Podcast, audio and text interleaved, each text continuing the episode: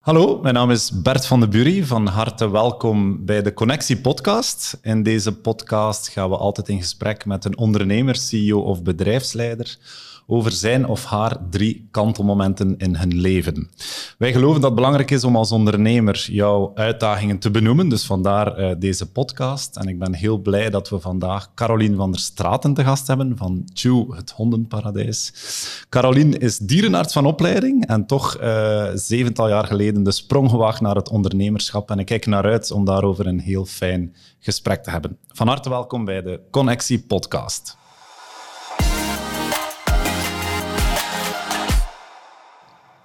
Dag Carolien. Robert. Welkom bij de Connectie Podcast. Bedankt voor de uitnodiging. Graag gedaan. Hoe gaat het? Goed. Goed? Ja. ja we zijn begin 2021. Ja. Hoe heb jij het jaar 2020 beleefd? Het was eigenlijk een, uh, een rollercoaster uh, waar ik eigenlijk toch met een glimlach naar terugkijk. Ja, we hebben heel veel geleerd. Eigenlijk op alle vlakken die ons alleen maar sterker gaan maken. Ja. Oké, daar gaan we het ongetwijfeld over hebben in dit gesprek. Voor de mensen die jou niet kennen, wie is Caroline? um, Caroline is, zoals al zei, een dierenarts met een hoek af. Een serieuze hoek af. Die uiteindelijk als persoon extravert is. Zo positief mogelijk in het leven staat, maar eigenlijk daar niet over moet nadenken zo graag als een feestje ziet. En is het geen feestje, dan bouwen we wel een op een of andere manier. Perfectionist toch wel. Dat gaat later ook wel terugkomen wat daar de gevolgen van zijn. Uh, en een dromer. Al van kindsbeen af was ik een dromer. En uh, dat is gelukkig geëvolueerd van een dromer dat ook naar een doener. Anders denk ik niet dat ondernemerschap uh, gelukt was. Nee. nee voilà. Je zegt zelf met een hoek af. Welke ja. hoek is er af? Goh. Ik moet zeggen, de linkerkant of de rechterkant. Uh, dat is ook altijd een goede vraag op een sollicitatiegesprek. Welke, hoek, welke steen wilt u zijn? Hè? Ja, dat is voilà. ook zo die hoek. Hè. Uh, nee. Um, uiteindelijk was het eigenlijk al van in de studies duidelijk dat Caroline ging absoluut dierenarts worden. Hè. Er was absoluut geen twijfel over. Mijn grootvader was ook dierenarts en die zei, kind, wat ga je doen? Doe dat niet. En natuurlijk, als ze zeggen, doe dat niet, gebeurt er dan, dan gaan we dat absoluut wel doen. Maar eigenlijk in studententijd was het al dat ik ook al andere interesses had die niet elke gemiddelde diergeneeskundestudent had. Uh, en daar gaan we later ook nog op terugkomen. Uh, maar nee, daar van de hoek af. En waarom eigenlijk. zei uw grootvader dan van, doe dat niet? Was daar een reden voor? Ja, eigenlijk. En, en hij had gelijk, toch wel. Uh, dierengeneeskunde, uh, dierenarts zijn, wordt momenteel ook in de media overgeromantiseerd. Hè. Het is, uh, en dat, zijn win geen doekjes om, het is een heel zware studie. Maar wat je wel ziet, is dat um, in de generatie van mijn grootvader was een dierenarts, de dier, de veterinair. En die kwam op tof en de snap stond gereed. En dat was eigenlijk hetzelfde als de notaris van het dorp, de burgemeester, de dokter en de veterinair. Nu een dierenarts, loodgieter, dierenarts, poetsvrouw, ik mag het niet denigreren, maar is een job zoals een andere job, die uiteindelijk heel fysiek is, um, heel veel zorg vraagt, geen uren kent en waarvan de eindklant toch gewoon is alles te kunnen ervaren of alle mogelijke technieken te kunnen hebben voor een hond, kat, paard, maakt niet uit. Niet tegenstaand enorme investeringen zijn. Dus ze verwachten van een dierenarts in dorp X, Y of Z dat die een echo heeft en een RX-toestel, maar daar niet bij stilstaan wat investeringen dat erbij horen. En eigenlijk het ondernemerschap hebben we als dierenarts ook niet meegekregen. Dus die cocktail waar vroeger de dierenarts alles wist, heb je nu Dr. Google met heel veel verwachtingen. Dus die job is er eigenlijk helemaal niet gemakkelijker op geworden, hoe leuk het ook lijkt op tv. Ja. Mm -hmm. En uh, hoe zou je jezelf omschrijven als persoon? Goh, goeie vraag. Ik zelf als persoon, um, ik ben een gever. En, en dat komt eigenlijk ook een beetje terug in de waardes van de zaak. En het team dat je daar rond bouwt. Uh, eigenlijk een, een, empathische gever die enorm um, authenticiteit heel belangrijk vind uh, en niet tegen onrecht kan. Ja. Oké, en hoe uitzicht dat? Niet tegen onrecht kunnen? Oh, uh, ik heb al geleerd, want ik ben ook absoluut niet diplomatisch. Ik heb geleerd uh, mijn mond te houden en te helpen waar ik kan helpen, als ik onrecht zie. ja. En maar, kan, je, kan je een voorbeeld geven van on, wat is onrecht voor jou? Um, eigenlijk heel dom. Dat zit in de hele dagdagelijkse kleine dingen. En dat gaat, al gaat over onrecht en respect, maar gewoon een oudere dame aan de supermarkt die door iemand snel, snel aan de kant en die valt bijna om. En, en, en ik die, buiten het respectloze, die vrouw is hulpeloos, die wordt om onrecht in een situatie geduwd. Dan ga ik in de bres springen. Uh, nu, als ik onrecht zie en bijvoorbeeld mensen in het privéleven ken, ook andere ondernemers die ten onrecht op de sociale media worden beklad, dan heb ik wel geleerd mijn mond te houden. En niet, niet dat ik dat ooit gedaan heb, maar je hebt dan mensen die dan zo van die monologen gaan terug antwoorden. Zo. Maar daar lost uiteindelijk niks mee op. En in discussie gaan. En in discussie gaan, maar daar lost uiteindelijk niks mee op. Nee. Ook mijn, mijn mensen uit mijn team die ten onrechte worden respectloos behandeld. Er zijn een aantal mensen, zeker in deze covid-tijden, die op de toppen van hun tenen lopen en die thuis iets hebben meegemaakt dat wij niet weten. En bij wie wordt dat geventileerd? De eerste dat ze tegenkomen. En vaak is dat bij ons in de winkel.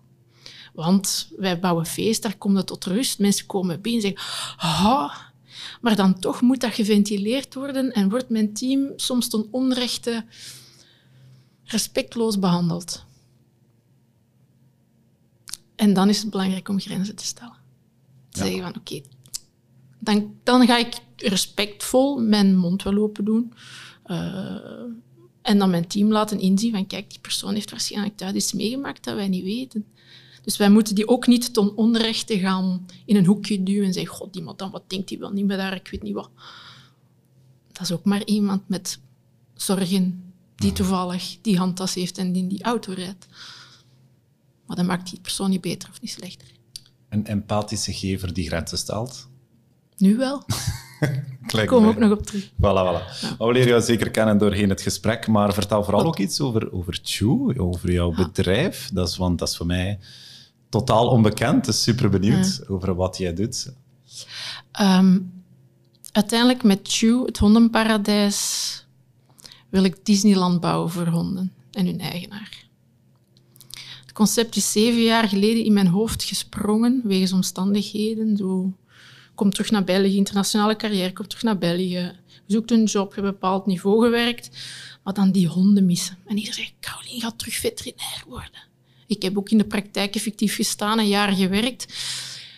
Maar daar had ik het gevoel van, nee, ik wil happiness. Ik wil, ja, ik wil, ik wil iets nalaten. Iets positiefs nalaten. En niet, de hond is ziek. En hoe genezen we die? Daar kan je ook iets nalaten, maar ik wou het breder zien.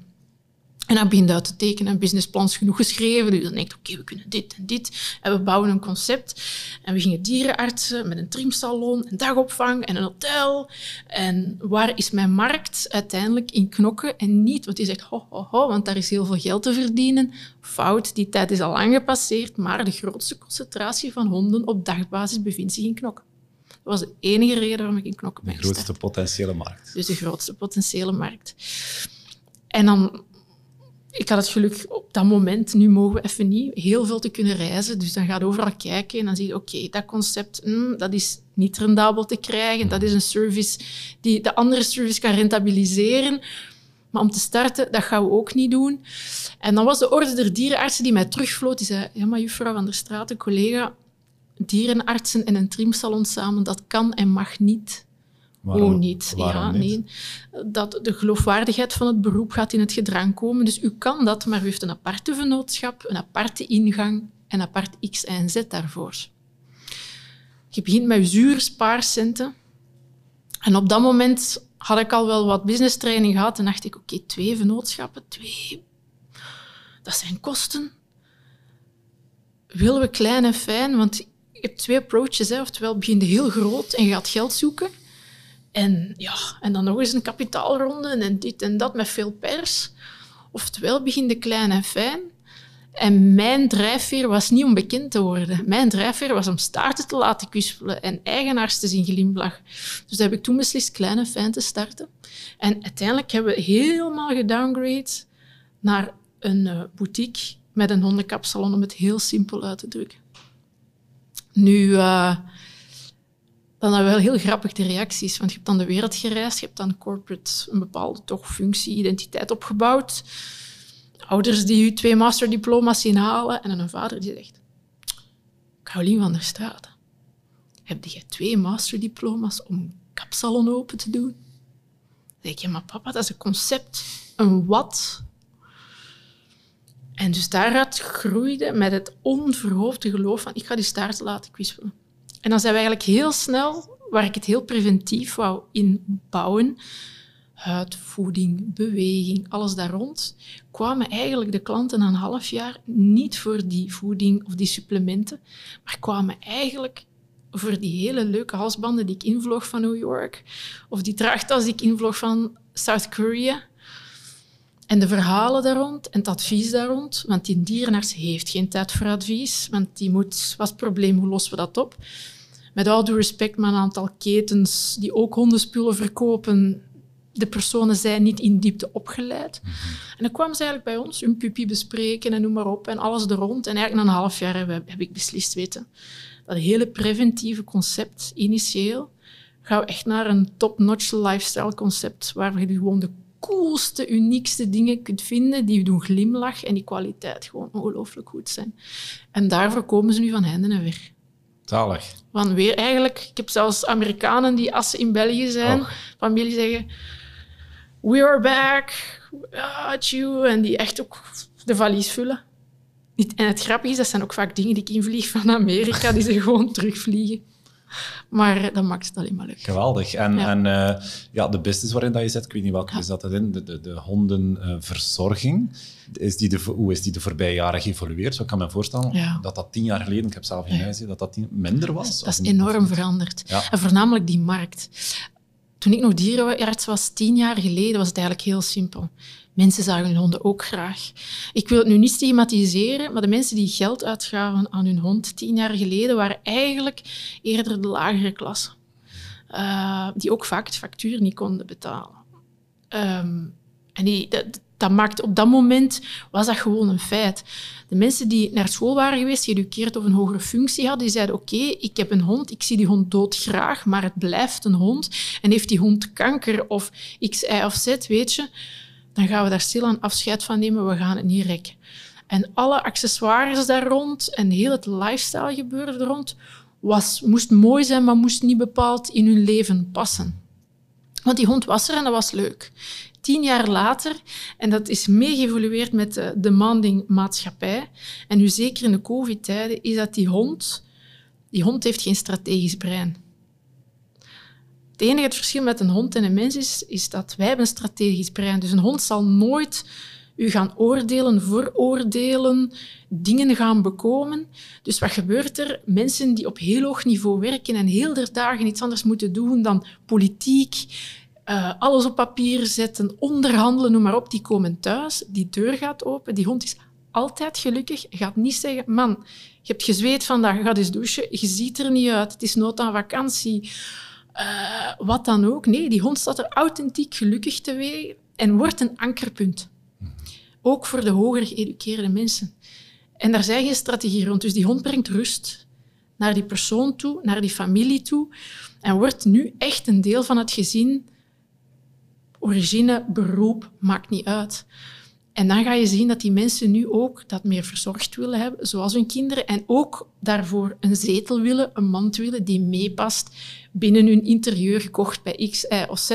En een hals- en een leiband moet daarom niet opvallen, maar moet toch wel passen. En vooral die stoel in de zetel, die moet toch wel passen bij het leder van de zetel van de nieuwe auto's die het hebben gekocht. Hoeft geen merk op te staan, mhm. maar moet wel een deel emotie uitstralen, zoals die auto een emotie uitstraalt. Maar er wordt ook, als ik het goed begrijp, ook meer budget daaraan gegeven dan x aantal jaar, waar dat er vroeger enkel een leiband misschien nodig was, dat je nu echt wel... Uh, Klopt. En daar ook, ehm, maar dat zie je nu al in Amerika gebeuren. Wij staan vijf tot tien jaar uh, verder. En dan ga ik een beetje al een sneak weggeven. Hoe dat die markt verandert, maar die verandert net hetzelfde als uh, in de gewone retail en als in de auto-industrie. Een polarisatie krijgen van de lower, heel toegankelijke, mooie dingen, maar kwalitatief minder naar gelang het was. Hè. Dus dan spreek ik over de, de gekende retailketens die op de mer bevinden, om geen namen te noemen. En dan het eerder het topnotje. Um, en alles daartussen dat daar zit, mainstream, valt er een beetje tussenuit. En dat begin je nu ook al wel te merken. Voornamelijk in Amerika, maar dat gaat hier ook komen. Dus het, het gewone grijze hondenwinkeltje gaat er ook wel stilletjes Die tegenstander meer gekocht wordt en gespend wordt, gaat de eisen van de klant meevolgen naar wat ze gewoon zijn in hun gewone retail aankopen uh, en, en, en duurder aankomen. Ja. Mhm. En tussen de periode dat je bent afgestudeerd en, en Chew hebt opgericht, misschien wel interessant om kort even te bekijken, wat heb je in die periode allemaal uh, gedaan? Hm. Wat heeft ze niet gedaan? Heel wat dingen. um, afgestudeerd, met volle passie de praktijk in. Ja, ja, ja. En ik wist toen al, want ik, heb, ik was een van de enigen die mijn thesis ook in het Engels had geschreven. Dan moest ik ze niet beëdigd laten vertalen, moest ik naar het buitenland willen. Oké. Ja.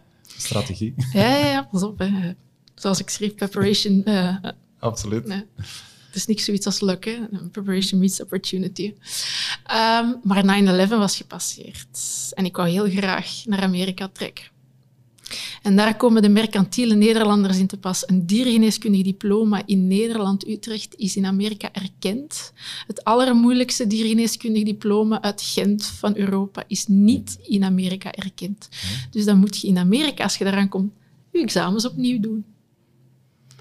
Plus je staat op blacklisted op toen de 9-11-lijst. De Belg kwam er niet mooi uit. Dus de kans dat ik in Amerika rustig dierenarts kon zijn of verder specialiseren was eigenlijk een, een zeer moeilijke taak. Um, en dan staat in de praktijk en je mocht enorm veel dingen doen. Ik had geluk om in een van de weinige klinieken te werken in België. Dus we deden patellaluxaties en, en hun heupen en de hele zware, zware operaties die ik ook s'nachts... Dus ik, ik, ik, ik wist wel als dierenarts dat ik mooi kon evolueren. Maar ik had wel het gevoel van, hier is toch meer? Ga ik hier echt zo tussen die vier muren zitten? Oh, en toen stond er, um, maar ik loop al eentje vooraf, maar het was al in mijn diergeneeskundige studie dat ik mij wel amuseerde, maar dat ik toch al voelde van... Ah. En ik had heel veel goede vrienden in de autowereld. En er stond, uh, was toen in de standaard, want bij mijn ouders thuis lezen toen de standaard. En in het weekend, als je dan je doen en uh, hapje bij eet, en de standaard stond effectief een uh, advertentie van Daimler Chrysler zoekt informanten voor het autosalon. En ik dacht, we gaan dat doen. Hè. Mijn ouders wisten van niks, maar daarvoor ingeschreven. En ik werd uitgenodigd in de offices in Brussel. En ik was een dierenarts, student. En die mensen zagen wel iets in mij. Ze dachten, oh ja, een dierenarts, 2 4 4x4, was misschien wel een niche cliënteel. Weet En dan uh, voor de allereerste keer met mijn autootje Brussel Centrum in. Want dat werd toen nog geoutsourced naar een evenementenbureau voor je kostuumtje en alles en de opleidingen. En toen al was mijn eerste aanraking met, met het meer businesswise, de mhm. sales, het economische. Uh, en dan dierenarts geworden. En dan gezegd van, god, wat verdorie. En toen stond er een uh, nieuw uh, in de krant. Dat was met de, de, de tijd de vacature nog. de wedstrijd voor de Winter Academy. En dat was toen de tegenhanger van de Summer School. En je moest was een week te winnen in een groot kasteel in Wallonië. Uh, een week over creativiteit en innovatie. In samenwerking met de Vlerik Leuven-Gent Management School, zo heette dat toen nog. En uh, ook daar, we gaan dat eens proberen. En dan ronde na ronde. En ik ga me nooit vergeten, de laatste ronde was een assessment bij Hudson in Gent. En ik kwam daaraan. En uh, ik was toen nog veterinair, dus ik stond daar in mijn jeans en mijn sneakers. En ze stonden daar allemaal zo, consultants in een pakje zo. En ik dacht, oh my god. Maar ja, wist ik veel. En toen bleek dat ik een van de winnaars was. En in die week uh, zijn mijn ogen open gegaan. Ik dacht, wauw, daar wil ik meer over weten. En dan ben ik van de ene dag op de andere gewoon beslist. Ik stap uit de diergeneeskundige praktische wereld. En ik ga de business in. En dan zo ben ik corporate beland. Oké. Ja. Dus daar gaan we straks ongetwijfeld nog uh, wat over vertellen. Dus we, we, hebben op voorhand over het concept van de podcast, is dat je drie uh, kantelmomenten mocht selecteren. Absoluut. Hoe was dat om dat te doen? Oh, mijn glimlach was leuk. Ja. Dus terugkijken? Ja, maar ik ben wel iemand die dat toch wel zorgmatig al wel eens doet. Zo is, ik ben niemand die terugkijkt en denkt van had ik toen. Absoluut niet. Maar wel zo van potverdorie. Ja, dat kunnen we gebruiken om, of wat heb ik daar meegenomen om, of als ik eens een webinar of een podcast beluister, dat ik effectief reflecteer en denk, potverdorie, dat periodetje heb ik ook gehad. Ja. Oké, geweldig. Dan duiken we direct in het eerste moment. Hè. En daar heb je kort al iets over, over verteld. Het gaat eigenlijk over Jeep, het merk dan. Uh, en wat je daar hebt geleerd. Het was... Um, eigenlijk is daar mijn drijfveer boven gekomen. Die ik eigenlijk stiekem al wel wist. Uh, maar voor Jeep, dat waren eigenlijk groot... Als ik erop terugdenk, je springt daarin en je komt en je doet die, die salesopleidingen. En dat is allemaal leuk. Dat is een nieuwe omgeving. Je bent jong, the sky is the limit. Maar je komt er eigenlijk samen met mensen die van allemaal verschillende pluimages zijn. Ik zal het nooit vergeten. Daar, daar zaten advocaten tussen die speciaal een week vakantie namen om dat autosalon te doen. Daar zaten mensen in die in de luchtvaart zaten. Daar zaten ook mensen die, die altijd wel evenementen deden. Dus we zaten met een heel bepaalde, toch brede waaier van mensen, maar wel met een aantal karakteristieken. En dat waren mensen die ook graag droomden, die uh, verhaaltjes vertelden.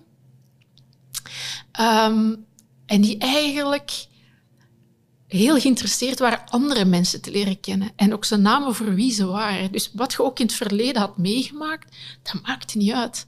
Hallo, je zei Caroline. Aangenaam. Vertel eens, wie is Caroline? En dat was eigenlijk... Want je zit uiteindelijk jaren te studeren en te studeren. En zware studie, je zit zo in dat hokje van dierenarts.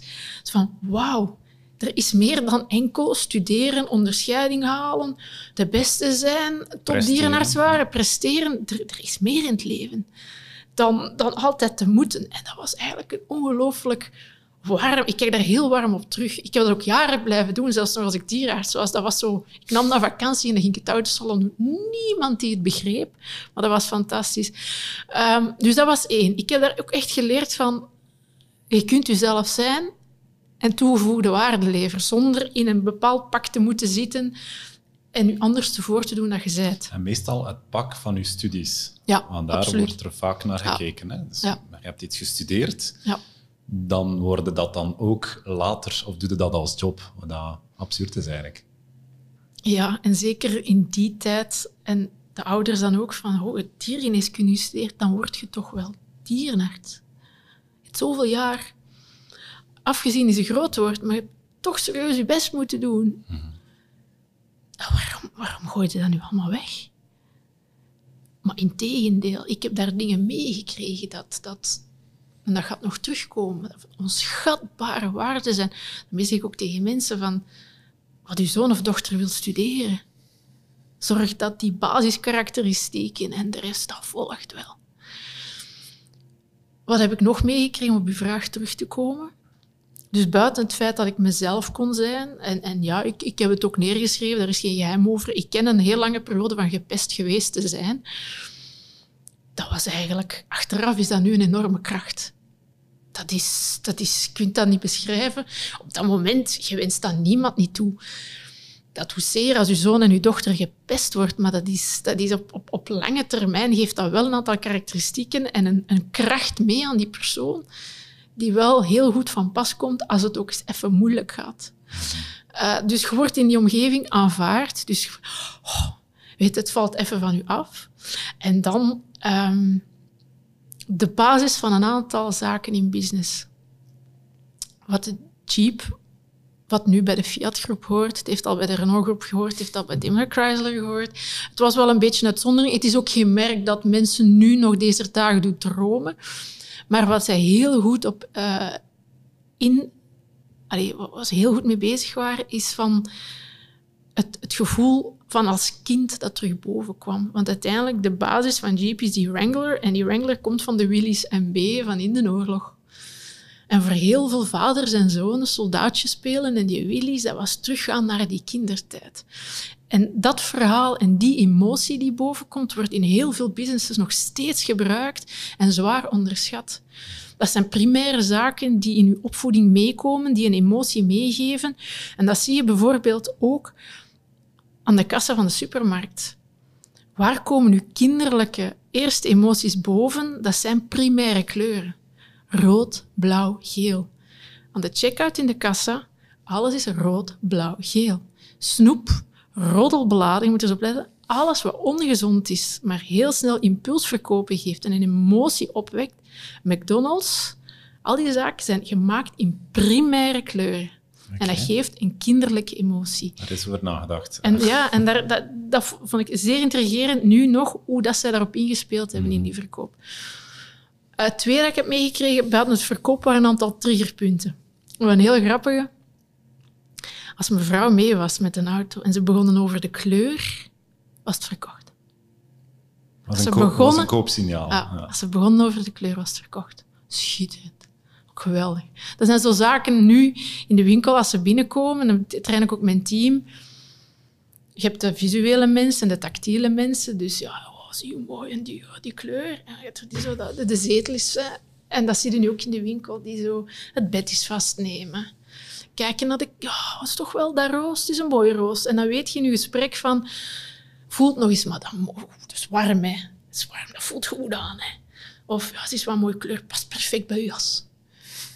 Zo die kleine tips en tricks om eigenlijk die mensen het gevoel te geven dat je hem verstaat. Want daar komt het op neer. Ik versta u, ik los uw probleem op. En dan het derde. ehm, ik moest er dan net aan denken, want er was er nog eentje. Dat is, ah ja. Never judge a book by its cover. Nooit. Ik zal me nooit vergeten, ik stond op de stand en er kwam een man op de stand en die stonk. Die had een gescheurde jeans aan, die zag er niet uit en die kwam op de stand en je zag iedereen kijken van wat komt die hier doen? Maar ik rook van ver dat dat een varkensboer was. Want gelukkig in de studie hadden zo een paar signalen. Ik denk, Een van de voordelen. dat is degene die in een varkenstal zit. ja. En ik vond dat gewoon... Ik begon dan een babbel mee en ik behandelde die net alsof meneer X, Y, Z. En die zei tegen mij, kijk mevrouw... Allee, juffrouwtje was dat toen nog. juffrouwtje. Ik ben bij Mercedes geweest en daar hebben ze mij van de stand gekeken. Ik ben bij Land Rover geweest, daar hebben ze mij ook van de stand gekregen. Waar kan ik hier die auto kopen? Want ik heb het nu cash in mijn zak zitten. En die heeft een auto gekocht, de duurste van dat jaar, op de stand. Op twee minuten tijd. Of, ja, Twee minuten komt, tijd. Ja. En ook in de business en in elke business dat je doet, we hebben die mensen ook binnen. En die hebben niet de chicste handtas of ik weet niet wat aan. Maar ga niet denken van in, in het salesgesprek van, ja, die, wat gaat die? Veronderstellingen. Ja, veronderstellingen gewoon van ja, de perceptie. De perceptie die eigenlijk helemaal niet de waarheid is. En dat is in alles in het leven zo. Maar, maar die, die persoon voelde zich welkom en daarom heeft hij gekocht. Denk ik dan. Ja, die, die had een nood. Die had voor op zijn veld een 4x4 nodig. En die had Ja. de centen. En had die, die had niet eh, momenteel... En dan gaat het naar u... Ja, dat is dan dieper dan in marketing. Naar uw ideal customer avatar. Die had niet, zoals bij Mercedes, iemand nodig die die auto nodig had om zijn identiteit te herbevestigen. Dat had die man niet nodig. Die zag die auto wel graag, maar voor hem was die emotie... Was die daar nu, als hem dat nu echt had gewild, dan had hem bij Mercedes die auto toch nog wel gekocht. Dan was hij naar huis gegaan en wel via dealernetwerk terechtgekomen. Dat is typisch, heb ik daar ook geleerd. Mensen die klagen, zijn eigenlijk mensen die klant willen blijven. Mensen die niet klagen, die, die- zijn Ja. weg. Ja. Dus mensen die op de stand kwamen zeggen, potverdorie, ik ben al drie keer bij u in de garage geweest en dat lekt nog altijd, dat moet toch opgelost worden? Die willen eigenlijk toch wel klant bij u zijn. Die willen toch wel nog met Jeep blijven rijden. Dus voor hem maakte dat merk eigenlijk niet uit. Maar eh, ja, die, die, die voelde zich gehoord, die, die had een connectie. Mhm. En dat werd een loyale klant. Ja. Dus als dierenarts kom je dan op het autosalon terecht. Ja. Daar leer je verkopen. Ja. of leer je zo wat de, De kleine ins en outs. de, de kunst van het. Want ik vind dat je op zich wel een kunst onderschat. Ehm, Maar dat heeft wel veel bepaald op dat moment. Ik ben een eeuwige zuiger in leren. Hij heeft mij dingen doen zien en begrijpen. Uh, dan ook later in corporate. Um, natuurlijk, als je honger groter en groter wordt om bij te leren en je ziet meer en meer de andere dingen niet zien, dan wordt het frustrerend. Mm -hmm. En dan gaat je als een olifant in een glazen kast op vergaderingen of op meetings zitten. Allee, mannen, zie je die hele dan nu niet? Dat heb je wel. Maar het heeft mij enorm laten zien dat er meer in het leven was en dat het eigenlijk gewoon ja, één speelveld kon zijn, als je dat wou. Mm Moet het alleen willen zien. En heb je daar ook, want ik hoor wel als je over verkopen spreekt, dat, dat, dat, je dat graag, allez, dat dat iets is wat je graag doet. Ja. Want vaak wordt dat ook wat, ook in het ondernemerschap, vaak pff, verkoop en sales, dat is zo wat... Maar in C is het de basis van elk gezond bedrijf. Ja, maar ik kan alleen maar verkopen. En dat is ook vaak de tip die je in de tips ondernemersboeken ziet. Doe iets waar je gepassioneerd over bent. Anders is het heel moeilijk om te verkopen. En toevallig tapte Jeep in op mijn drijfveer. Die was vrijheid en is mhm. nog steeds vrijheid. Die auto bracht u overal. Die Wrangler die ging over bergen comfort nul. Je rijdt van pomp naar pomp. Het kost u een arm geld, maar het bracht een emotie en een drijfveer teweeg. Dus voor mij, dat die auto verkopen, dat was voor mij niet verkopen. Ik stond daar te babbelen over iets dat ik zelf geweldig vond en dat ik zelf stiekem wel graag zou willen. Dus dan wordt dat niet verkopen. Als ik dingen moet verkopen, dus eigenlijk, ik weet wel hoe ik moet verkopen, maar als het niet binnen mijn passieveld ligt, dan wordt het echt een energy drain. Dus zit het in mij? Ja. Uh, gaat je mij permanent zien verkopen, inclusief mezelf? Hè? Ik zit hier nu mij te verkopen. Eigenlijk toch wel een beetje. Maar... Dat mag. ja, uiteindelijk... Maar ja, ja, mag en moet niet, maar uiteindelijk ja, ik kan ik er ook tijd staan vertellen. Dat heeft geen toegevoegde waarde voor niemand niet. Uh, dat is denk ik heel menselijk, maar ja, het moet een passie zijn. Mm -hmm. Want anders, nee, dan gaat het niet gebeuren. Uh, en mijn passie evolueert ook, mijn interesses evolueren ook. Dus ik heb ook zelf de eerste jaren in mijn winkel gestaan. Maar om dat nu dag in, dag uit te doen, ik ga daar heel eerlijk in zijn, ik kan het niet meer. Mhm. Hoe graag ik het ook sommige dagen en hoe goed het ik ook soms doe en soms ook niet, hè. pas op, hè. Uh, heb ik nu een team dat het nog veel beter doet als ik. En die echt in hun sterkte staan en die ik graag laat doen. Ja, en wat ik ook hoor is, is een passie voor beleving of experience. Dat heb je daar ook meegekregen. En hoor ik nu ook in de dingen dat je nu doet, dat de mensen echt wel komen beleven bij jou. Dat is ook belangrijk. Uh, ik heb dat eigenlijk mee van als ik kind was. Ik ben een Disney-fan. Oké. Daar begint het. Dus de baseline zeer duidelijk. Ja, uh, ja, dat, ja. Uh, ja. Ik ga ook nog altijd werken in Disneyland. Oké. Ja. Ik krijg ongelooflijk veel ideeën. Mijn team weet dat. Ze zit in Disney. Ik zit daar gewoon in die hotel, hè. Oké. En dan in de middag ga ik het park in, ga ik observeren. Energie opdoen. Uh, klanten weten dat ook, zien op de Instagram stories, hè, behind the scenes. Uh. Maar die beleving voor mij nu maakt het verschil. En dat is altijd een passie geweest, maar in deze tijden maakt die beleving, die experience, het vertellen van verhalen, en daar ga ik straks nog op terugkomen, of ik wil het nu al wel beantwoorden, maar de tip naar elke ondernemer toe, die verhalen vertellen. Want dat gaat het verschil maken tussen een tevreden klant en een loyale klant. Een tevreden klant, als je de basiszaken goed doet, is een klant tevreden. Ik heb probleem X, Y of Z. Ik ga naar die winkel, ik ga naar de garage, ik ga naar de dokter. Ik ga naar de dokter, ik ga naar de dierenarts. Dus die weet wat hij doet. Mijn probleem gaat daar opgelost zijn. Dat is oké. Dat is oké. Nu, je hebt een dokter, je gaat met je kleine naar de dokter, en dat hij nu in de wachtzaal zijn 35 diploma's heeft hangen, 20, 30 jaar geleden. Oh, wauw. Maar nu, who cares? Als ik op TikTok of op Instagram iemand volg en die zegt, ik heb vandaag mijn certificate gehaald of op LinkedIn, certificate gehaald, hè, drink er een op vandaag, dan denk ik heel stiekem, who cares, good for you.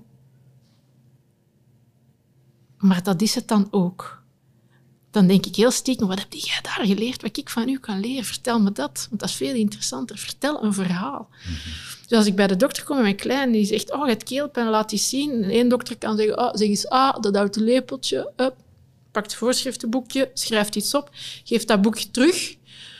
Hier is het voorschrift, mevrouw, dat is zoveel, het probleem is opgelost. Je kunt ook een dokter hebben die zegt, mooi chefke, mo, ik zie ze lopen, die bacteriën. Oh, dat loopt een links en oh, dat loopt een naar rechts. We gaan, we gaan ze vermoorden, we gaan ze doden. Superman, ben je mee, Superman? En die klein begint al te glimlachen, kan nauwelijks zijn mond open houden.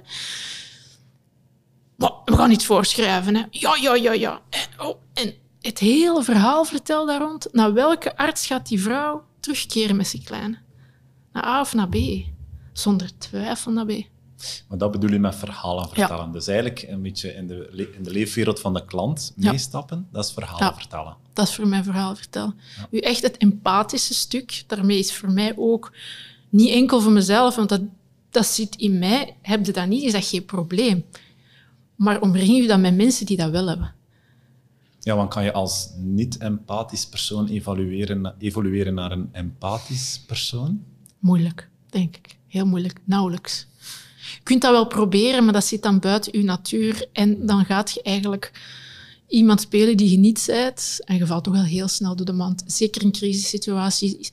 Als je niet heel empathisch bent en je, hebt een, je zet een bedrijf rond en je zet op de forefront over empathie en het is COVID en je gaat in lockdown en het wordt moeilijk, dan ga je die empathie niet verder nog terugvinden in de externe communicatie. En dan dan heb je een bedrijf met mixed communications en een klant die zich niet kan identificeren met u en dan uiteindelijk toch voelt van hier klopt iets niet en dan niet loyaal is. En dat is het verschil tussen een tevreden loyale klant. Veel zeggen, oh, maar wij scoren 3,8 op 5, we scoren 4,5 op 5. Dat is voor mij ook niet interessant. Hè. Ik wil weten hoeveel vijf dat ik heb. Want die, vier, die mensen die vier quoteren, die zeggen, ik ben tevreden, het was goed. Maar die mensen die vijf quoteren, die zeggen, die hebben mij bewogen. En ik wil weten het aantal vijven. En al die vieren, dat, dat maakt mij het verschil tussen een tevreden klant en een loyale klant. En de enige manier nu in deze tijd om u te differentiëren van een competitor, is toch wel die vijven. Want dat is de loyale. En al de anderen, ja, die shoppen rond. Hè, op, op timing, wie het de rapste terugplaatst, prijs, andere kleur, noem maar op.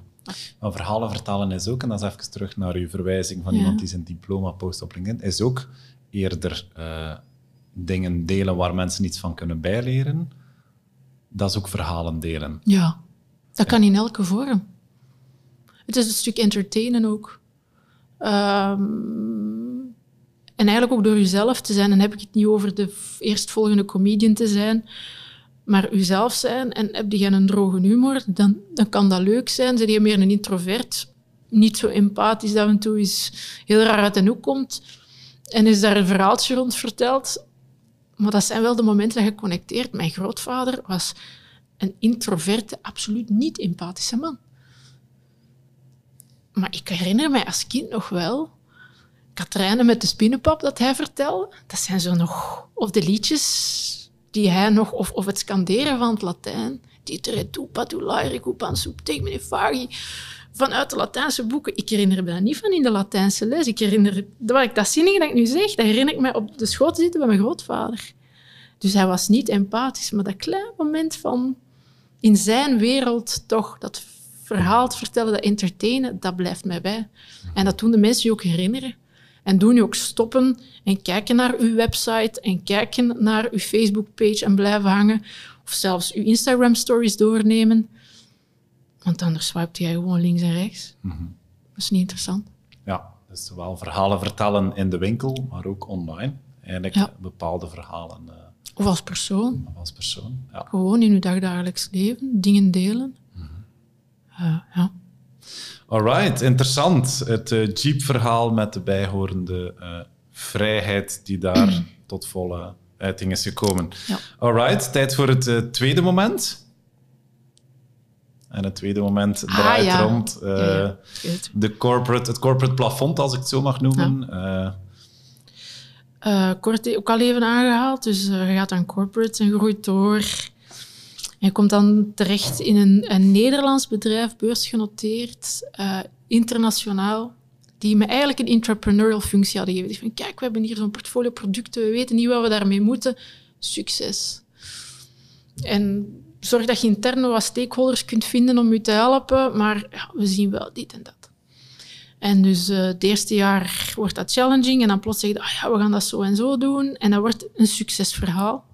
Dat was een portfolio van preventieve producten in, eh, naar landbouwdieren toe, om minder antibiotica te gaan gebruiken.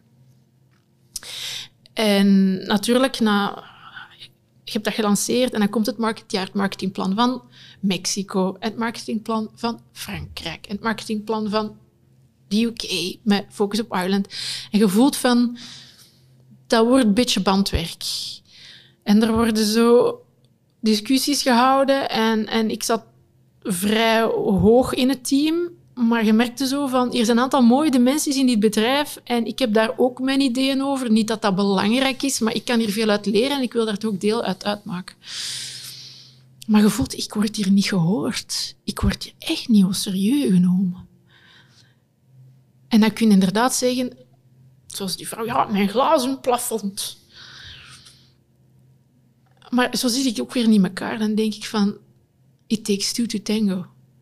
Ja, het is een volledig dominante mannenwereld. Klopt, ik werkte echt bijna zuiver alleen tussen mannen. Maar er moet ook iets zijn dat ik fout doe, waarom ik niet au serieus word genomen. En mijn god, wie kan me helpen? En dan gaat je ze rond je rondvragen. Maar ja, uw ouders zien u opgroeien, daar moet je het eigenlijk niet aan vragen. Je hebt een aantal vrienden, maar ja, ja, ja, Caroline, ja, ik weet het eigenlijk niet zo goed. Dan dacht ik van, ja, dan moet ik het gaan leren. Hè. En dan ben ik op zoek gegaan naar een specifieke opleiding over eh, vrouwelijk leiderschap.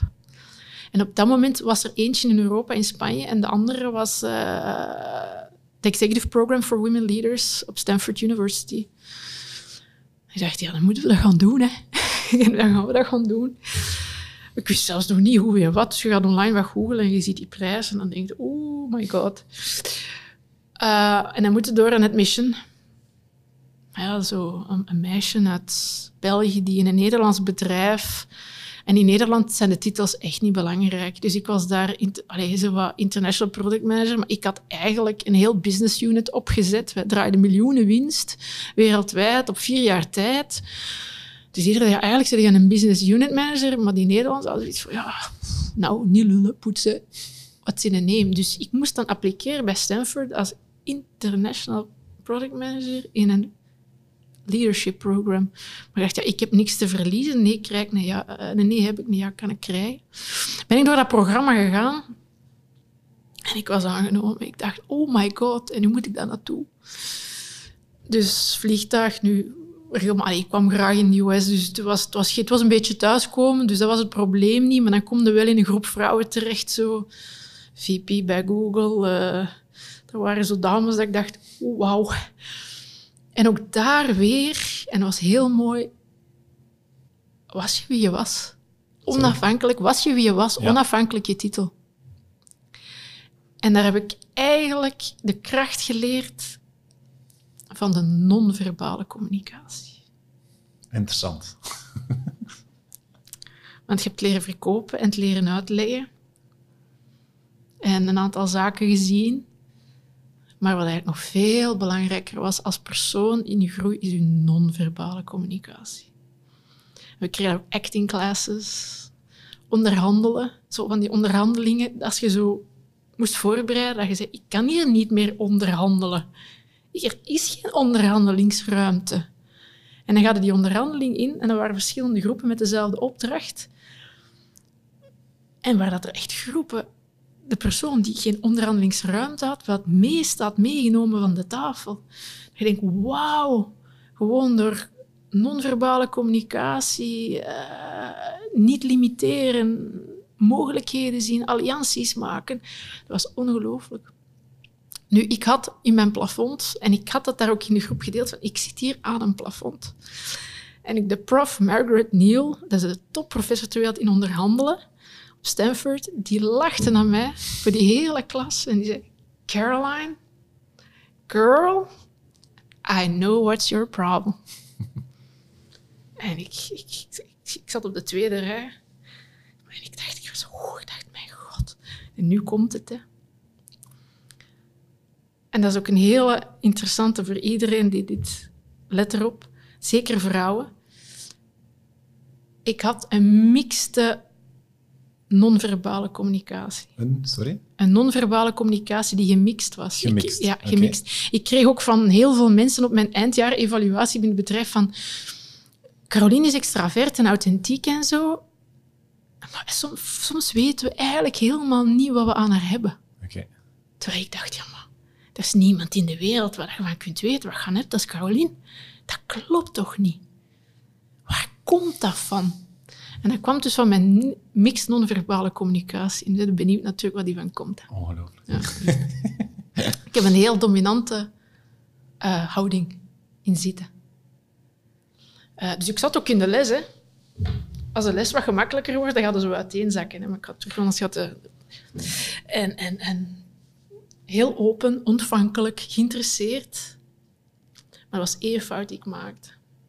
Ik glimlachte de hele tijd. En er is niks zo niet dominant als glimlachen. Juist, ja. oké. They have to earn your smile. Dus ik was on top of the world heel dominant lichaamgewijs tot hier.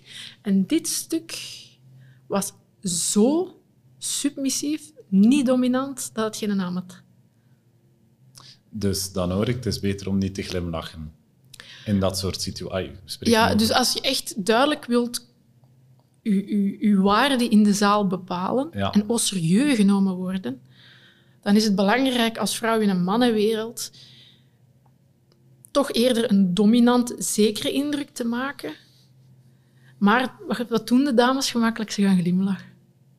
En dat zie ik ook heel vaak op de, als je naar andere podcasts met video's kijkt, dat dames ook gewoon permanent aan het glimlachen zijn. En uw waarde zakt. Toch wel. Onbewust naar de buitenwereld door te glimlachen.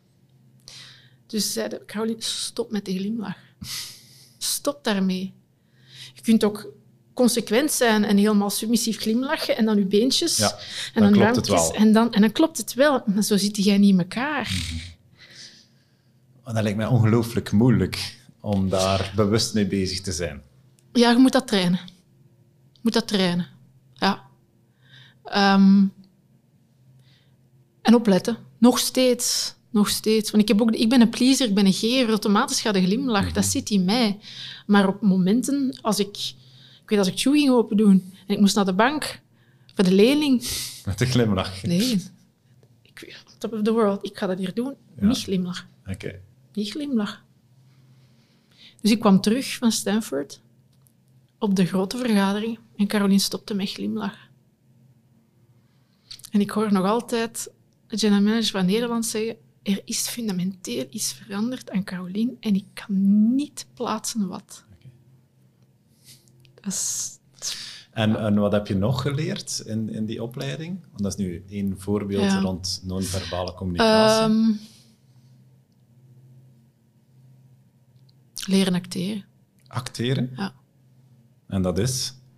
Um, en daar komt terug het entertainen en het verhalen vertellen.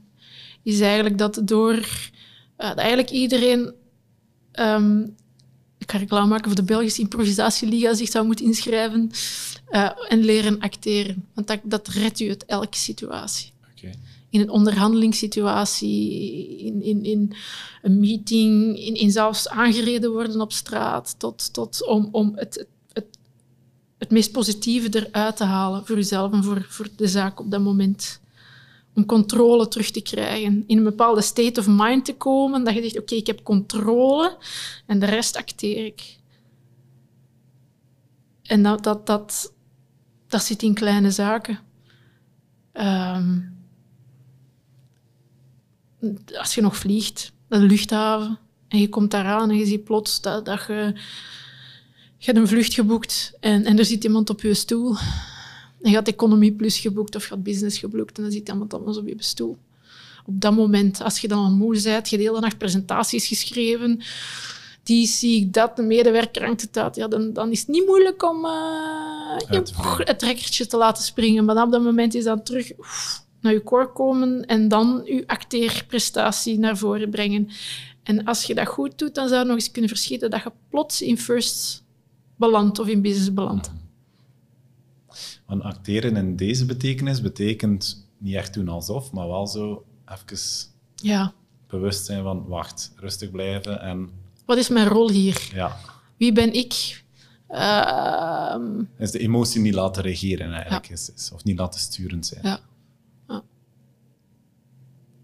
Maar dan moet je eigenlijk toch voor leren acteren. Want op dat moment moet je iemand... Op dat moment wilde eigenlijk gewoon... Wat verdomme. En ik dacht hier nu op mijn gemak te gaan zitten met mijn koepje.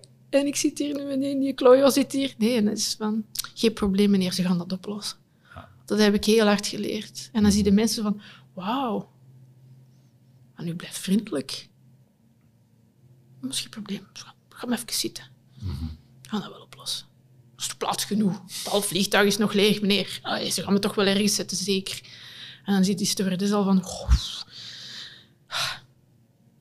Dus toch wel een impactvolle opleiding geweest. Ja, ja heel impactvol. Oh, ja, ik zeg aan alle dames die ik tegenkom, het is nu women leadership, maar mm.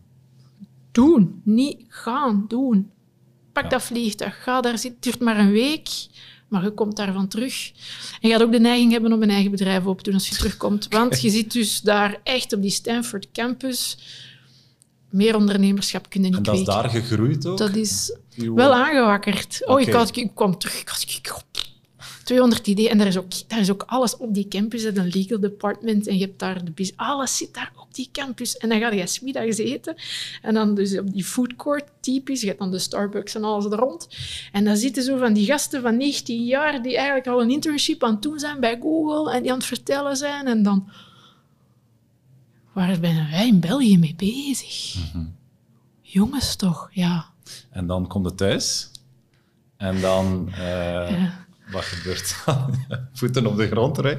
Absoluut, voet op de grond. Hè? Dan kom je terug in het bedrijf. Ja. En wat is toen nog gebeurd? Voordat je dan de sprong met ondernemerschap hebt gewaagd? Ja, dan voelde van... Uh, toen werd ik een bedreiging. Een bedreiging? Ja. Oké. Ja. Uh, dat voelde ik enorm. Um, ik was veel rustiger. Um, ze zagen ook een andere Caroline en dat was van wow ik was vroeger het glimlachende meisje die heel hard werkte en die enorme resultaten boekte. En dat was leuk. Maar nu was er wel iemand plots die van een ander kaliber terugkwam. En dan zag je zo, wordt het lastig. En dan begint die politiek te spelen. En nee, dan doe ik, dan doe ik ook gewoon niet meer mee. Dus dan, en dan tegelijkertijd is dan de prins op het witte paard gepasseerd. Die woonde in België. Je bent begin de dertig. Ja, blijf ik hier voor die carrière duwen, want ik zat echt in een enorme gouden kooi op dat moment. Maar toen heb ik van de ene dag op de ander, net als in de dierenartsenpraktijk, beslist van kijk, ik stop. Ik keer naar België. Ik red me wel. Er was al wel een idee, de basis was uitgeschreven en ik ging dat wel doen. Maar het was nog niet, de banken waren nog niet gepasseerd, het was allemaal nog niet, het was echt nog het begin, begin. Uh, en, en ja, we gaan ervoor.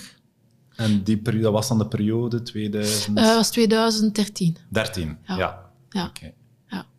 En dan uh, komt het terug in België aan en dan gaan we de wereld veroveren.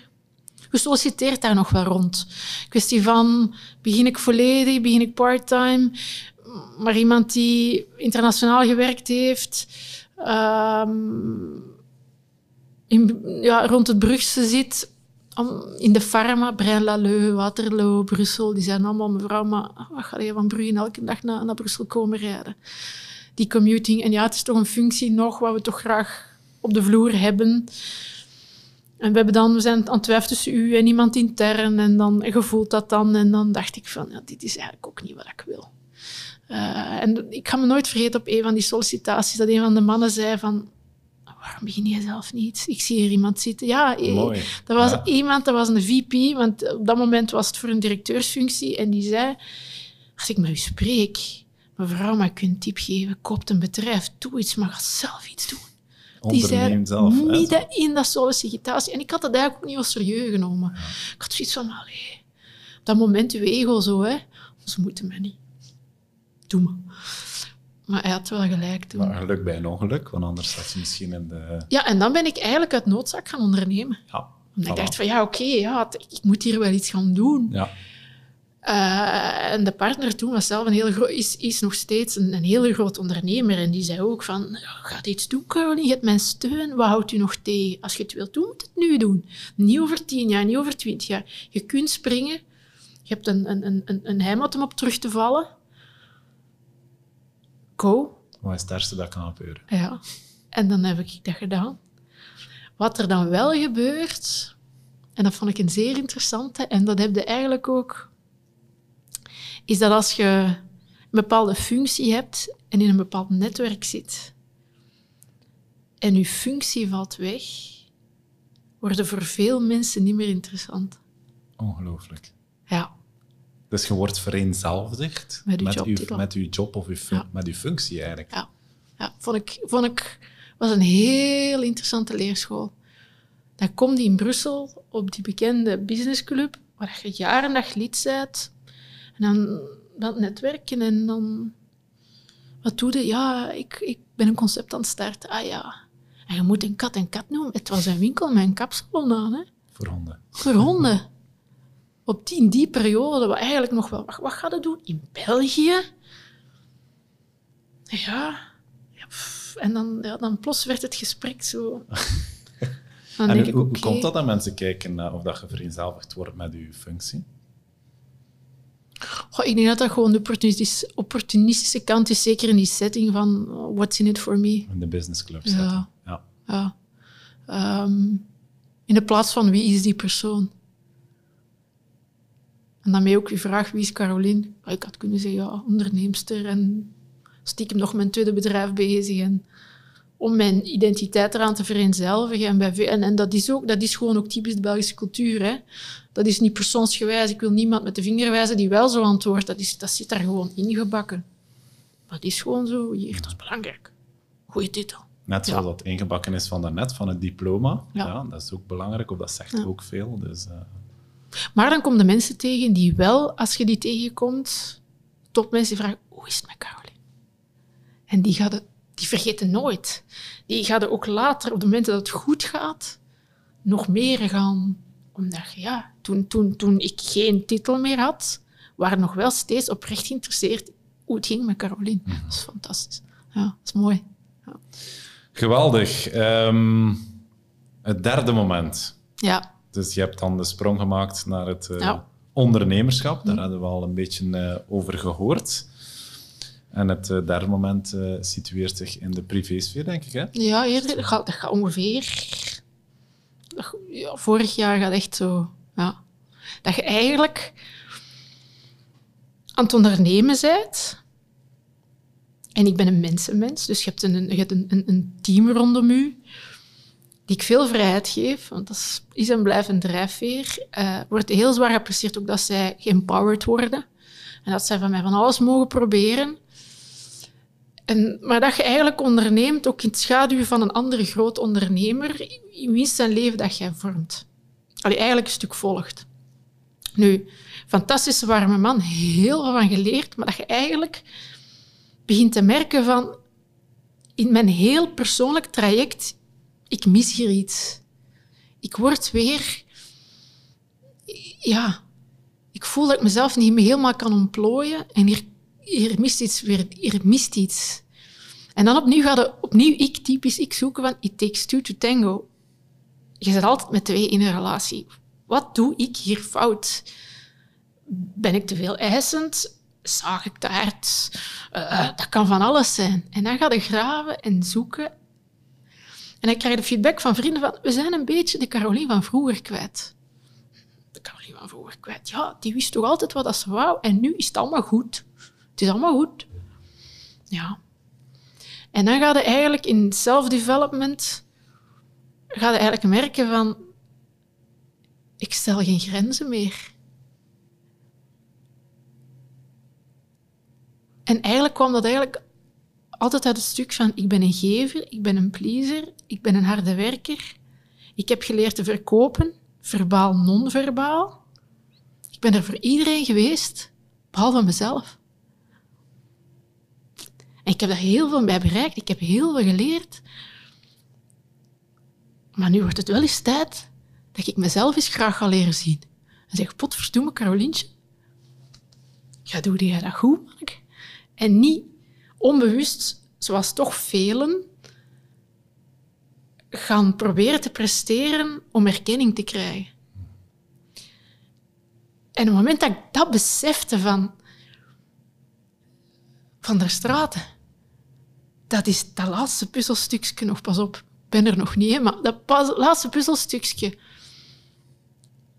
dat het veel gemakkelijker gaat maken, toen ik dat heb gelegd, is plots heel veel veranderd. Zowel privé als professioneel. Omdat je plots gaat zeggen, nee, dit is niet oké. Dit is niet, volgt niet mijn waarde. Hier ben ik niet oké mee. En dat dat niet oké is voor u, dat snap ik. Daar heb ik respect voor. Maar dat ben ik niet als mens. Daar word ik niet gelukkig van. Dus dan, ja, dan eindigt het. En hetzelfde met medewerkers. Medewerkers hadden alle vrijheid. Doe maar. En toe hadden ze een slechte dag.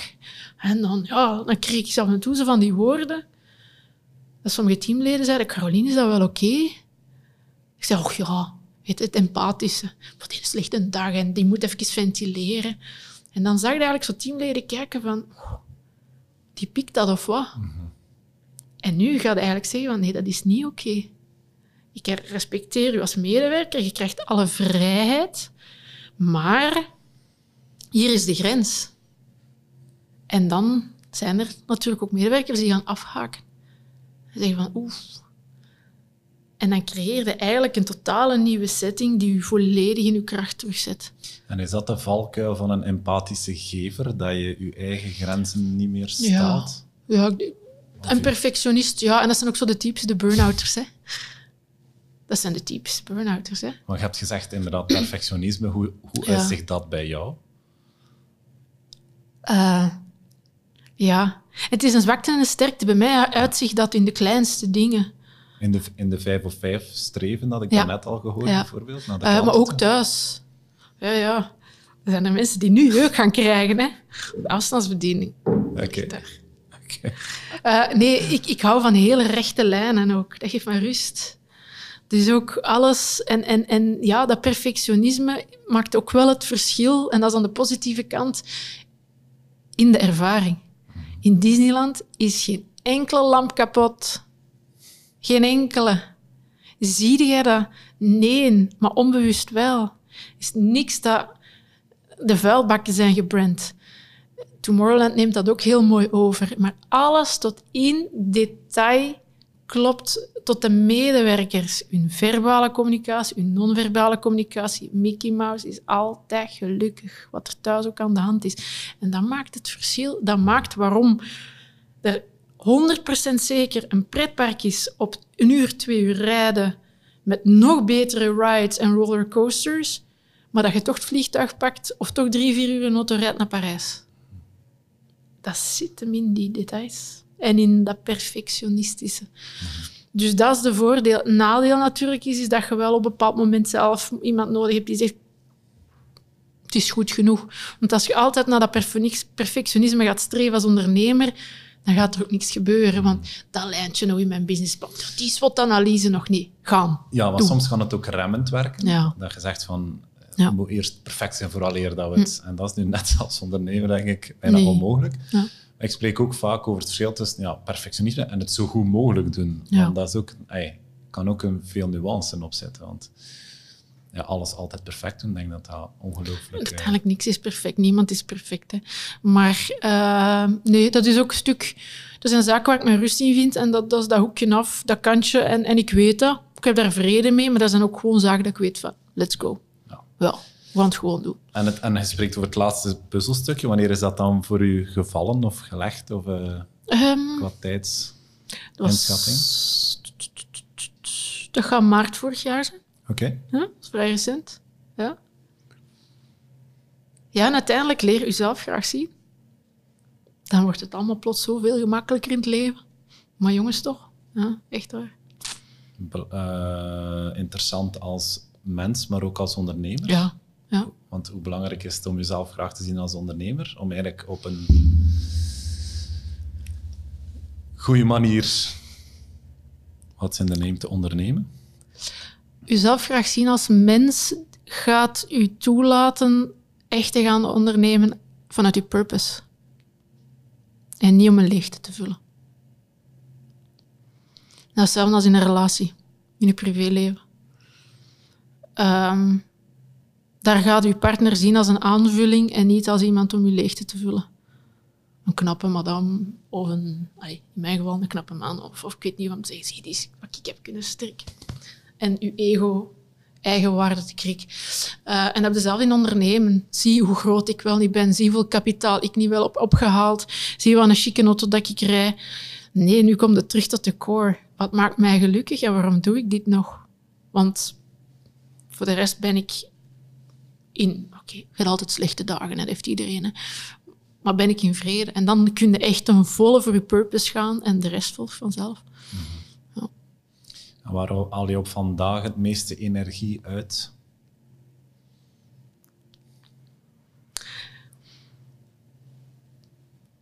Um, die berichten dat ik van die klanten krijg s'avonds. met blakje in zijn nieuw tenuutje. Oh, dat is geweldig. Ja, ja. Ja, ik zit elke avond uh, tot vervelens toe van de mensen rondom mij toch een half uur tot een uur klanten nog te beantwoorden. En ik stuur ongelooflijk veel hartjes alle richtingen uit. En ik moet ook oppassen dat ik dat niet bij iedereen doe, want dat wordt ook vaak dat zo gewoon jaartjes sturen. Dat ik, oh, mijn hartje gestuurd. Denk ik, ja, sorry, I was in de flow, ja. Uh, ja, ja. ja. Het mooiste moment was eigenlijk een klant die zei, kijk, ik um, was echt ook een toponderneemster. Echt een toponderneemster op, wereldniveau. Die zei, ja, ik heb met mijn man een bedrijf en we zijn uit elkaar. En hij doet dit stuk, ik doe dat stuk. En ik heb, uh, ik heb jongens in huis en die zitten alle twee in hun eigen kamer na de scheiding computertje of uh, ik weet niet wat, te gamen. En ik ben, ik, ben, ik ben mijn gezin kwijt, ik ben alles kwijt. Um, en toen is die hond er gekomen. En die hond zat beneden. En die jongens kwamen naar beneden. En wij hebben dan ze begeleid. Want voor haar was een hond ook totaal iets nieuw. Het hele traject uh, kleine tips en tricks in de opvoeding. Mevrouw had een bepaalde levensstandaard. Uh, een zeer authentiek persoon, maar we ook zeiden van kijk, in uw living, pas daarop, zet dat aan de kant, pak dat bed, dat gaat daar het beste bij. Zo dus hebben ze begeleid en die zeiden, jullie hebben mijn familie terug samengebracht. Dat is serieus. De hand die voor verbinding of voor terug... Uh... Ja. En jullie hebben ons daarin begeleid en een belangrijke rol gespeeld. Ja, dan goed bon, we gaan op pensioen, hè, mannen. is het toch? Nee, dat, dat is, ja. ja. En hoe kom je tot rust? Thuiskomen. Ik heb nu de, de luxe om even letterlijk op de beach te wonen. Dus ik kom thuis en dan, uh, als we koud is, een open haard aan. En dan hoorde, als de wind goed zit, de zee, die knetter van het haardvuur. En dan de hond die legt zich in de zetel. De meesten mogen dat niet, maar ik krijg het niet afgeleerd. Slecht voorbeeld. En dan horen die zo ademhalen. Zo. Die is zo stilletjes aan het slapen. Zo mensen met kinderen die gaan dat herkennen. Zo. En dan denk ik, het is mooi. Ja. Dat is het. Ja, ja, het is simpel. Ja. Simpel. Ja. Zit, zit hem vaak in de simpele dingen. Ja. Wat was voor jou, als je nu terugkijkt op jouw zeven, acht jaar ondernemerschap, wat was het moeilijkste moment so far? allermoeilijkste. Um,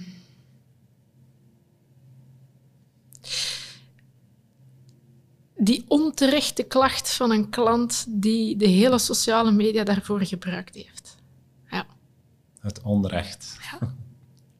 Dat was wauw. Ja.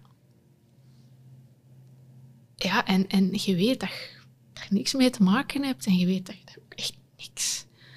En op dat moment heb ik wel de grens gesteld van kijk, wij gaan hier niet in mee, met als gevolg dat de sociale media is gebruikt ten aanval. En wij nog mensen krijgen, ja, we hebben dat gelezen online, uh, klopt dat? Uh, maar door het feit dat wij heel authentiek zijn wie we zijn, en als we een fout maken, ik tegen mijn team, iedereen maakt fouten, dan zeg je dat gewoon. Wij werken met honden, met, met levende wezens en scharen in een kapsalon. Daar, we zijn daar zwaar voor verzekerd. Er kan alles iets fout gaan. Dat is maar iets heel kleins soms. Maar dan gaan we dat niet vertoezelen. Dan zeggen we, meneer, kom kijken. Dit is er gebeurd. Dat verzorgd. Dit en dat. We gaan dat zo opvolgen. Als die persoon naar huis gaat, x aantal dagen later bellen we die persoon op. Hoe is het met Jeffke, met Blakkie, met Chanel, met Gucci en Porto, welke naam? En we volgen dat op. Maar je verdoezelt dat niet. Dus wij wisten van... En dan is het heel belangrijk dat je heel veel verhalen hebt verteld, heel authentiek bent en een loyale community hebt gevormd van mensen die dat lezen en zeggen, mens. En dat is de sterkte van een brand te bouwen. Wat altijd op de lange termijn is. Dat nooit... altijd. Je kunt dat niet meten, maar het is zo van onschatbaar waar die brandbouw. Mm Dat zou elke bedrijf moeten doen en ook eigenlijk elke mens als persoon. Mm Een personal brand. Ja. Dat mooi zeggen. En dan, maar dat was een hele moeilijke. Ja. ja. Zijn er dingen waar je spijt van hebt? Nee. nee. Niks spijt? Ik heb nooit spijt. Nee. Ik heb uh, fantastische dingen gedaan. Ik heb heel mooie reizen kunnen maken. Ik heb... Mijn bucketlist is al serieus. Ja. Ik heb uiteindelijk nergens spijt van. Je hebt keuzes die je maakt en je neemt, je neemt daar de consequenties van. Mhm. En dan, wat er dan ook gebeurt, maak je er gewoon het beste van. Ik probeer alles wat ik tegenkom, en dat is niet altijd gemakkelijk. Soms is het wat het is, maar probeer ik iets positiefs te draaien. We hebben dat voor, maar mannen, dan moeten we dat doen. Hè. Ja. En als je daarnet sprak te kort even over eh, dat je gepest geweest bent in, in de jeugd, dan veronderstel ik hoe hard heeft jou dat op vandaag ja, gevormd tot wie dat je bent? En komt jou dat misschien, omdat je zegt, dat heeft mij mm. positief ook wel voor een stuk van, komt jou dat vandaag van pas als onderneemster, maar ook als mens? Tot voor de puzzel helemaal lag, was er mhm. wel een stuk drijfveer. Okay. Ze van, je hebt mij toen met mij gelachen, hè, maar Zie je die beetje hier een beetje bewijzen van. Bewijs ja, dus die, die, drijf, die, die drijfveer en die kracht die je daarvan krijgt is enorm. Um, en nu, ja, nu is het een beetje van. Je hebt naar de huid gekweekt. Ja, je weet dat dat toen jaren is geweest. En dat waren ettelijk jaren. En dat dat op dat moment maar nu geeft mij dit de weerbaarheid, de resilience, ook in moeilijke tijden om door te gaan. Want mhm. moeilijk gaat ook. Die jaren ben ik ook doorgekomen. Hetzelfde met die studie. Sommige mensen zeggen, oh, mijn dochter wil hier ineens kunnen gaan studeren. alleen, kun je daar dan niet echt... Oh, is niet babbelen. Hij komt die ene drinken en we gaan hebben dochter aan tafel. En dan zeg ik, ja, maar... De, de doorzettingsvermogen dat ik daar heb meegekregen, dat had ik in geen andere studie meegekregen. Op dat moment toen nog, dat is nu niet meer, hadden we een jaarsysteem. Dus wij hadden examens die begonnen begin mei tot eind juni. Alle examens achter elkaar. En anatomie van vijf beesten, ik kan u verzekeren, dat was... En dus dat was gewoon heel simpel een afvalrace. Dat is niet meer als dat. En diegene die doorzette en door bleven gaan en dat laatste examen aflegde, de helft kwam al niet meer, hè. Haalde het niet, hè. En dan toch nog zei van, ik doe het wel. Ik ga het examen doen. Ik heb zelfs één volledige klasseur niet gedaan, maar ik zie het wel. Die kon zelfs al met de chance, met deliberatie, met al die punten, het dan toch nog halen. Mhm. Ja, die doorzetting, dat... Dus nee, ja, absoluut. Ja. Nee, de resilience. Veerkracht. Superbelangrijk als... Uh, Onschatbaar. Elke dag. Zeker nu. Zeker nu. Dat is... Oh. Ja. Hoe gaat het op vandaag met het bedrijf, met Shoe? Hm? Heel goed eigenlijk. Um, Hey, Afon zijn wij een service met een retail aan. Uh, businessmodel gewijs. Wat retail betreft um, hebben wij ook ons hart vastgehouden hè, na de eerste lockdown. Um, wij wisten uh, goed wie onze klant was. We weten dat nog. We specificeren dat. Nu weten we dat echt, echt goed in detail.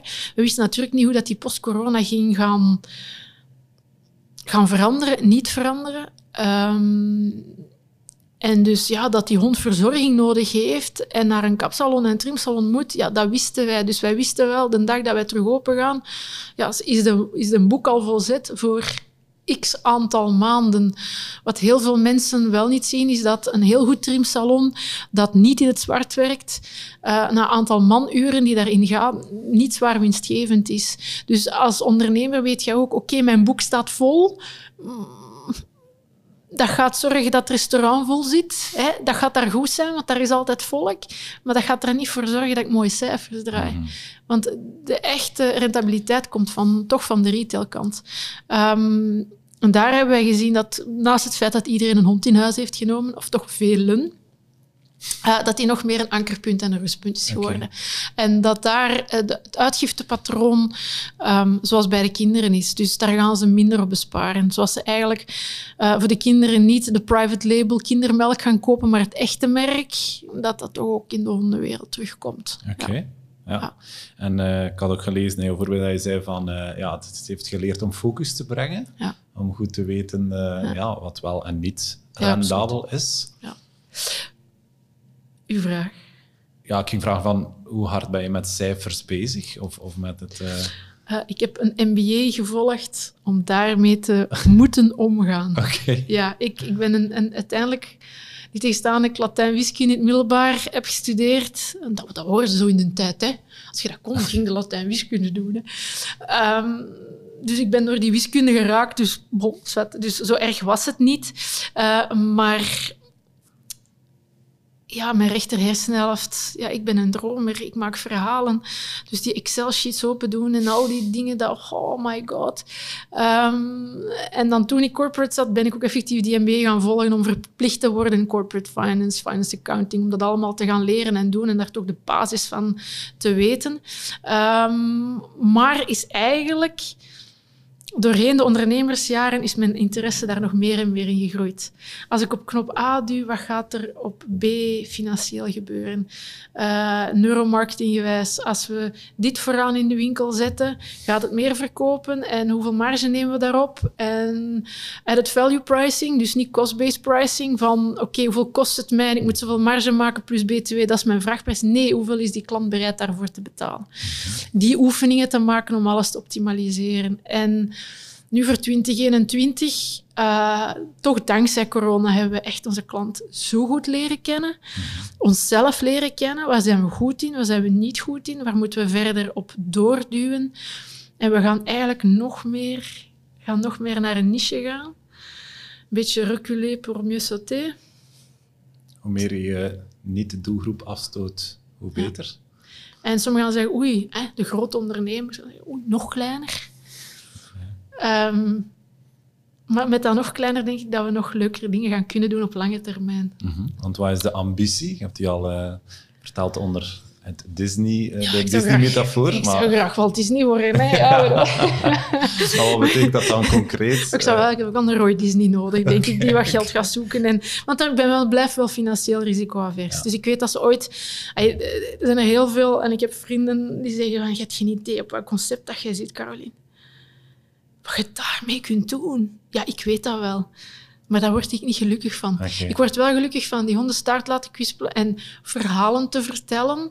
En, en, en wereldwijd dat verhaal te kunnen vertellen. Maar om dat goed te begeleiden, dat gaat Caroline niet zijn. Oké, en, en, en waarom risicoavers? Uh, financieel risicoavers. Ah, financieel ja. risicoavers. Ja, dat is van kind af thuis. Ja. Mijn moeder zei altijd... Ja, nee, niet bewust. Mijn moeder zei altijd, was toch raar. We reden naar het zuiden van Frankrijk en ze zat van achter in de auto en de, kwamen aan de peage. En op een moment vroeg die mama, we hebben toch nog geld genoeg? Zegt, toen al. Waar hij daarmee bezig? Ja, en zegt, ik weet echt niet waar dat daarvan kwam, maar jij vroeg dat ineens. Ah, zegt, ja, dus, jij ja. vijf, zes jaar, hè? Ja. Je niet... Dus daar moet iets onbewust, want ik ben zelf aan het denken, waar komt dat van? Ik weet het niet. Dus ik ga wel een Roy Disney nodig hebben die zegt, ook oh, ik hier wel op de bank in het financiële of een partner of wat dan ook. Voilà. Die zegt, droom jij maar een beetje en kleur maar een beetje en tekent maar een beetje en vertel maar verhalen en zullen wij, zullen wij wel de rest doen? Ja. ja nee, daar, daar ben ik me zeer van bewust. Dat ik de grootste rem ben op dat vlak. Mm -hmm. Absoluut. En je hebt in het begin verteld, ik ben een dromer. Wat zijn nog dromen van jou? Om, uh, wat wil je nog doen in het leven? Nog meer reizen, als we terug mogen. Gewoon voor de inspiratie. Hè. Oh, ik vind het schitterend. Hè. Maar een half uur ergens anders denk ik, oh ja, oh ja. Uh, indrukken, culturen, reizen. Dat is een, dan nog meer te dromen. Uh, voor de rest, ja, dat geluk te kunnen delen. En ook een beetje alles wat ik geleerd heb te kunnen delen. Ja, ik zie heel veel mensen rondom mij uh, in dezelfde niche, ook dierenartsen, zeggen van, oh, Caroline. ik zeg, ja kom, wat u vertellen. Dus ik droom eigenlijk toch nog wel, ja, ik droom er eigenlijk toch van op dat vlak. In heel veel simpele, die simpele dingen, iedereen te helpen heel goed te doen. Mm -hmm. Dat zeggen ze ook, hè. Successful people are exceptionally well in simple things. Hè. And average people, uh, they make it very complicated hè, without a reason. De kracht zetten hem in de eenvoud. Ja, en dan ja. zeggen van, oké, okay, rustig, even terug naar de basis, de eenvoud. En hoe kunnen we daarin excelleren? En droom is dat toch een beetje zo in te kunnen inspireren. En andere mensen daarin te helpen. In te helpen. Ja, dat geven hebt, terug, hè. ja, ik bedoel, hallo. De cirkel is rond. Dus, uh, ja. alright, laatste vraag. Wat, uh, welke boodschap wil je nog meegeven aan collega-ondernemers, onderneemsters? Die zitten te kijken of te luisteren. Ja, zoals ik al wel een beetje zei, van die verhalen vertellen, dat is voor mij toch echt wel heel belangrijk. Ja. Um, focus. En eentje eigenlijk die ik ga stelen. En dat is nu, ja, alle credits to Ingegeerdes, hè. En naar, u toe ook, hè, omring u met andere ondernemers. Echt waar. Hey, dat, dat, als dat niet... Hey, het kan ook, hè, maar het kan ook zonder. Maar je gaat veel minder inzichten krijgen, gaat veel minder... Gaat dingen anders zien. Ja, want als ik dan naar mijn ouders bel, fantastische mensen, hè, maar die gaan zeggen, oh kind, toch even, hey, ja, je bent nu toch al zo jaren aan het werken en ja, je hebt daar zo corporate gezeten, toch eh, goed betaald, maar nu, manneke, toch wel denken aan je pensioen, hè. Ja. Pensioen? Ja. Hallo? En dan, dan worden zo... Ja, en hebben ze gelijk, tuurlijk maken ze zich zorgen om u, tuurlijk wil ze het beste voor u, absoluut. Dat gaat niet over, ja. Maar dat moet je op dat moment niet horen, hè. Nee. Ondernemers zeker niet. Dat is heel, ja, maar. En zeker een dag dat het wat moeilijker gaat, en denk oh, ja, ja, maar ik weet het, ja. Nee, dan moet iemand zeggen, oh, kom on. Ja. En dan, dan heb je collega-ondernemers nou, die zeggen, we hebben allemaal gesprongen, hè. We hebben ook allemaal gezwommen. En gaan zwemmen. Zijn best vallen. Ja. Dus nee, ja, die, die drie... Oh. Een mooiere boodschap, of beter zouden we het niet kunnen zeggen, als uh, omringen met andere ondernemers. Dus, uh, ja, dank u Inge daarvoor. Ze heeft de voorzet gegeven. Bij deze en ons samengebracht. Dus uh, ja, inderdaad, ja, absoluut, merci absoluut. Inge. Um, Caroline, bedankt voor het zeer fijne gesprek. Heel graag gedaan. Voor de openheid over ja. jouw leven en, en jouw ondernemerschap. Heel fijn. Ik onthoud een empathische gever die ja. toch grenzen kan stellen ondertussen en haar zelf ja. graag ziet. Super belangrijk in het leven. Dus heel veel succes nog met alles cool. wat je doet. En um, we kijken uit naar het Disney voor. voor wat was het? Voor de hondjes, hè? Voor de hond, Disney voor de hondjes. Enkele hondjes. Voilà. Heel veel succes, merci. Nu bedankt. En tot binnenkort. Absoluut. Bye bye. Bedankt om te kijken of luisteren naar deze podcast. Wil je geen enkele aflevering missen? Abonneer je dan nu uh, via Spotify, YouTube, Castbox of Apple Podcasts. En dan krijg je elke aflevering sowieso te horen. Tot de volgende keer.